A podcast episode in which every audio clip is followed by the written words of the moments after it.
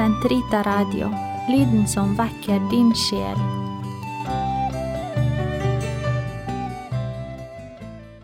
Kamels hage, episode fem, sesong to.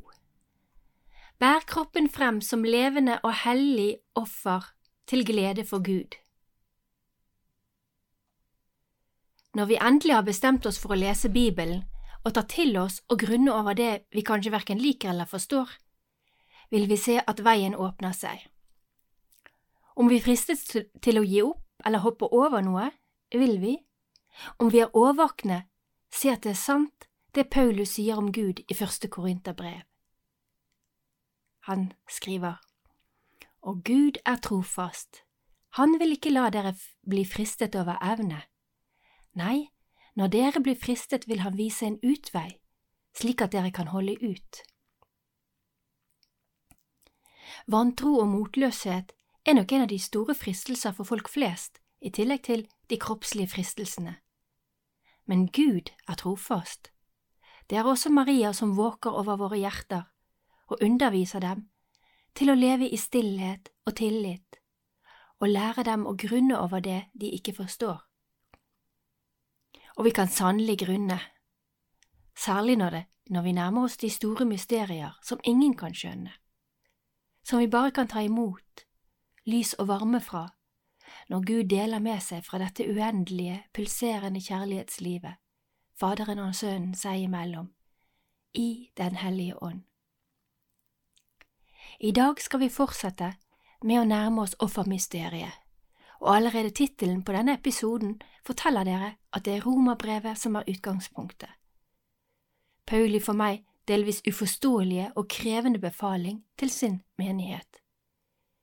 Vi leser fra begynnelsen av kapittel tolv, overskriften er Det kristne livet. Derfor formaner jeg dere ved Guds barmhjertighet, søsken, bær kroppen frem som et levende og hellig offer til glede for Gud. Det skal være deres åndelige gudstjeneste. Innrett dere ikke etter den nåværende verden, men la dere forvandle ved at sinnet fornyes, så dere kan dømme om hva som er Guds vilje, det gode, det som er til glede for Gud, det fullkomne. Han fortsetter litt lenger ute i kapittelet. La kjærligheten være oppriktig, avsky det onde, hold dere til det gode. Elsk hverandre inderlig som søsken. Sett de andre høyere enn dere selv. Vær ikke lunkne, men ivrige. Vær brennende i ånden, tjen Herren. Vær glad i håpet, tålmodige i motgangen, utholdende i bønnen. Vær med og hjelp de hellige som lider nød, og legg vind på gjestfrihet. Velsign dem som forfølger dere. Velsign og forbann dem ikke. Gled dere med de glade og gråt med dem som gråter.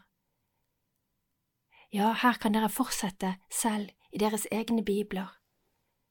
Les romerbrevet.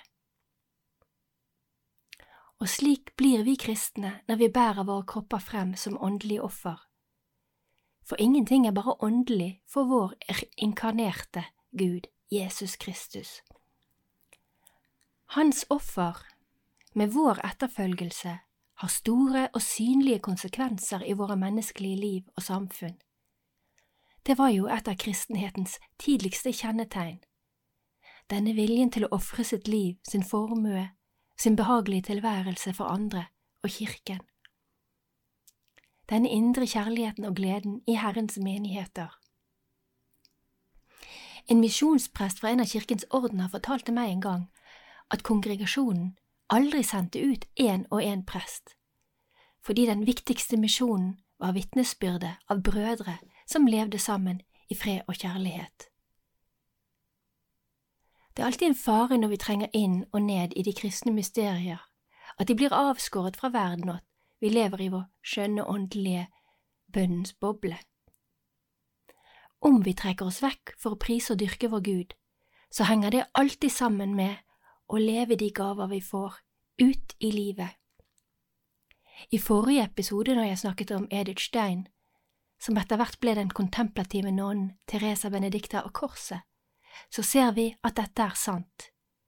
I dyp stillhet og bønn ble hun formet til å bli det mennesket som tjenende for sine medmennesker i Guds fred, gikk sammen med sitt folk, jødene, like inn i døden, og vel vitende om at det vesle Jesusbarnet også var med der. Hennes liv ryster meg alltid og forteller meg alltid at det er sant, at Gud er trofast, og at Han vil vise en utvei, slik at vi kan holde ut. Og skulle du nå tenke at dette med å bære frem offer kanskje er kun Paul i talemåte, så la deg opplyse av kirkens klippe Peter, som i sitt første brev skriver, og det er i kapittel to, fire til seks. Kom til ham, den levende steinen som ble vraket av mennesker, men er utvalgt og dyrebar for Gud, og bli selv levende steiner som bygges opp til et åndelig hus. Bli et hellig presteskap og bær fram åndelige offer, som Gud tar imot med glede ved Jesus Kristus. Ja, her har vi sannelig muligheter til å gå oss vill. Hellig presteskap, åndelige offer. Det er jammen bra vi har noen kirkens lærere som kan klargjøre dette for oss. Vi ber først. Kom, Hellige Ånd, fyll dine troendes hjerter og tenn i dem din kjærlighetsild, du som gjennom de mangfoldige tungemål samlet alle folkeslag til troens enhet. Send ut din ånd, og alt skal bli omskapt og du fornyer jordens åsyn. La oss be. Gud, du har opplyst de troendes hjerter ved Den hellige ånd. Gi oss at vi ved din ånd kan glede oss over det som er rett, og alltid bli lykkelige ved Hans trøst. Ved Kristus, vår Herre. Amen. Noen ganger kan vi som mennesker lage både våre liv og vår tro så uendelig komplisert. Men egentlig er det ganske enkelt. Det har en av kirkens mest forunderlige kirkelærere, Therese av Lisieux, vist oss. Hun skal få en egen episode i disse betraktningene over offerteologien. I dag vil jeg bare nøye meg med å påpeke en meget betydningsfull liten i hermetegn detalj i hennes brev og skrifter. Ønsket om å glede Gud. Et ekko av Paulus' oppmaning til romerne om å søke det som er til glede for Gud, det fullkomne, eller Peters ord, bær frem, bær frem åndelige offer som Gud tar imot med glede ved Jesus Kristus. Hvor mange ganger har ikke jeg lest om hennes ønske om å trøste og være sammen med Herren på korset og å glede ham? Hun tenker ikke på hva hun fikk ut av samværet, og hva det skulle gjøre for henne, men om Jesus Kristus fant trøst og glede ved hennes nærvær, hennes liv og innstilling til livet. Hvor mange ganger per dag tenker du og jeg over om det vi gjør, si, si og sier, gleder Gud? Jeg vil avslutte i dag med å lese fra, til dere fra den hellige biskop Augustins preken om hvordan vi kan gi offer for Gud. Men for å gi dere en liten kommentar til Peter og Paul i oppfordringer som vi hørte om innledningsvis, vil jeg lese for dere et kort avsnitt om kirkens tolkning av dette. Det kan dere selv finne og lese i sin større sammenheng i kapittel fire, om lekfolket, i Vatikankonsilets dogmatiske konstitusjon om kirken, Lumen Gentium. Hele dokumentet må selvfølgelig leses om vi skal skjønne forskjellen på det allmenne presteskap, som alle døpte er del i, og kirkens presteskap. Her får dere følgende avsnitt. Til den som han nært knytter til sitt liv og sin oppgave, gir han til og med del i sitt prestlige embete, så de utfører den åndelige tjeneste til Guds ære og menneskenes frelse. For da legfolket er viet til Kristus og salvet med Den hellige ånd, blir de kalt på vidunderlig vis og formet til å bære stadig rikere åndelige frukter. Alt det de foretar seg, deres bønner og apostoliske virksomhet, deres samliv med ektefellen og den øvrige familie, deres daglige arbeid, deres åndelige og legemlige hvile, når de handler etter Ånden, ja, selv livets plager båret i tålmod. Alt dette blir åndelige ofre som Gud gleder seg ved i Jesus Kristus. Første Peterbrev 2,5 Og som under nattverdsfeiringen bæres frem med dyp ærbødighet til Faderen, sammen med ofringen av Herrens legeme.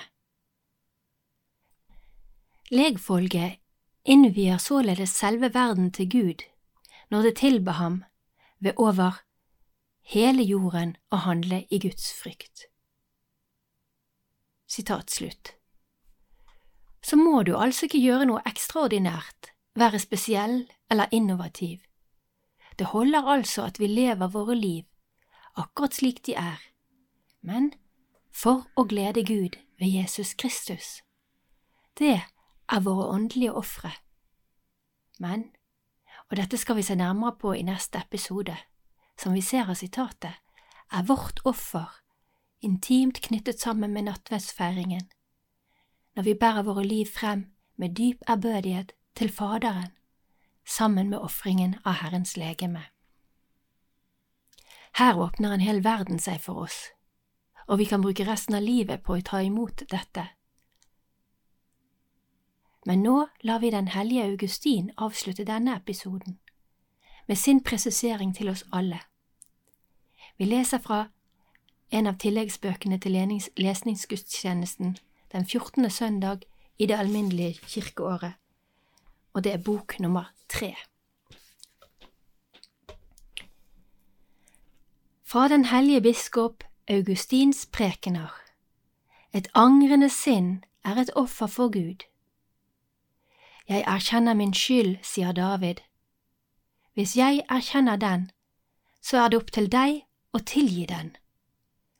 La oss for all del ikke innbille oss at vi lever godt og uten synd. Vårt liv er bare prisverdig når vi ber om tilgivelse. Men mennesker uten håp er desto mer nysgjerrige etter andre menneskers synder, som de er uoppmerksomme på sine egne.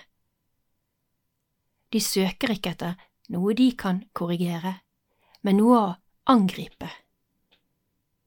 Og siden de ikke kan be om unnskyldning, er de rede til å anklage andre.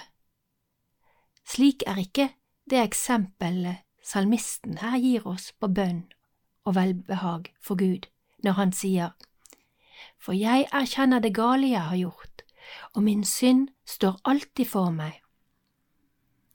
Hans oppmerksomhet var ikke rettet mot andre menneskers synder. Det var seg selv han anklaget. Han smigret seg ikke, men gikk dypt i seg selv. Han skånte ikke seg selv, og derfor var hans bønn om selv å bli skånet ikke upassende. Vil du forsones med Gud? Lær hvordan du skal forholde deg til deg selv, så Gud blir forsonet med deg. Les oppmerksomt den samme salmen, for der står det, For hvis du ønsket offer, ville jeg gi deg det, men du har ikke behag i brennofferet skal du stå uten offer, ikke ofre noe, ikke behage Gud med noen offergaver? Hva var det du sa? Hvis du ønsket offer, ville jeg gi deg det, men du har ikke behag i brennofferet. Hør fortsettelsen og si, Et offer for Gud er en sønderbrutt ånd. Gud forsmår ikke et ydmyket og sønderknust hjerte. Du kastet fra deg det du skulle ofre, men nå har du funnet det du kan ofre. For hos fedrene var det slaktedyr du ofret. Det var hva de kalte offer. Hvis du ønsker offer, vil jeg gi deg det.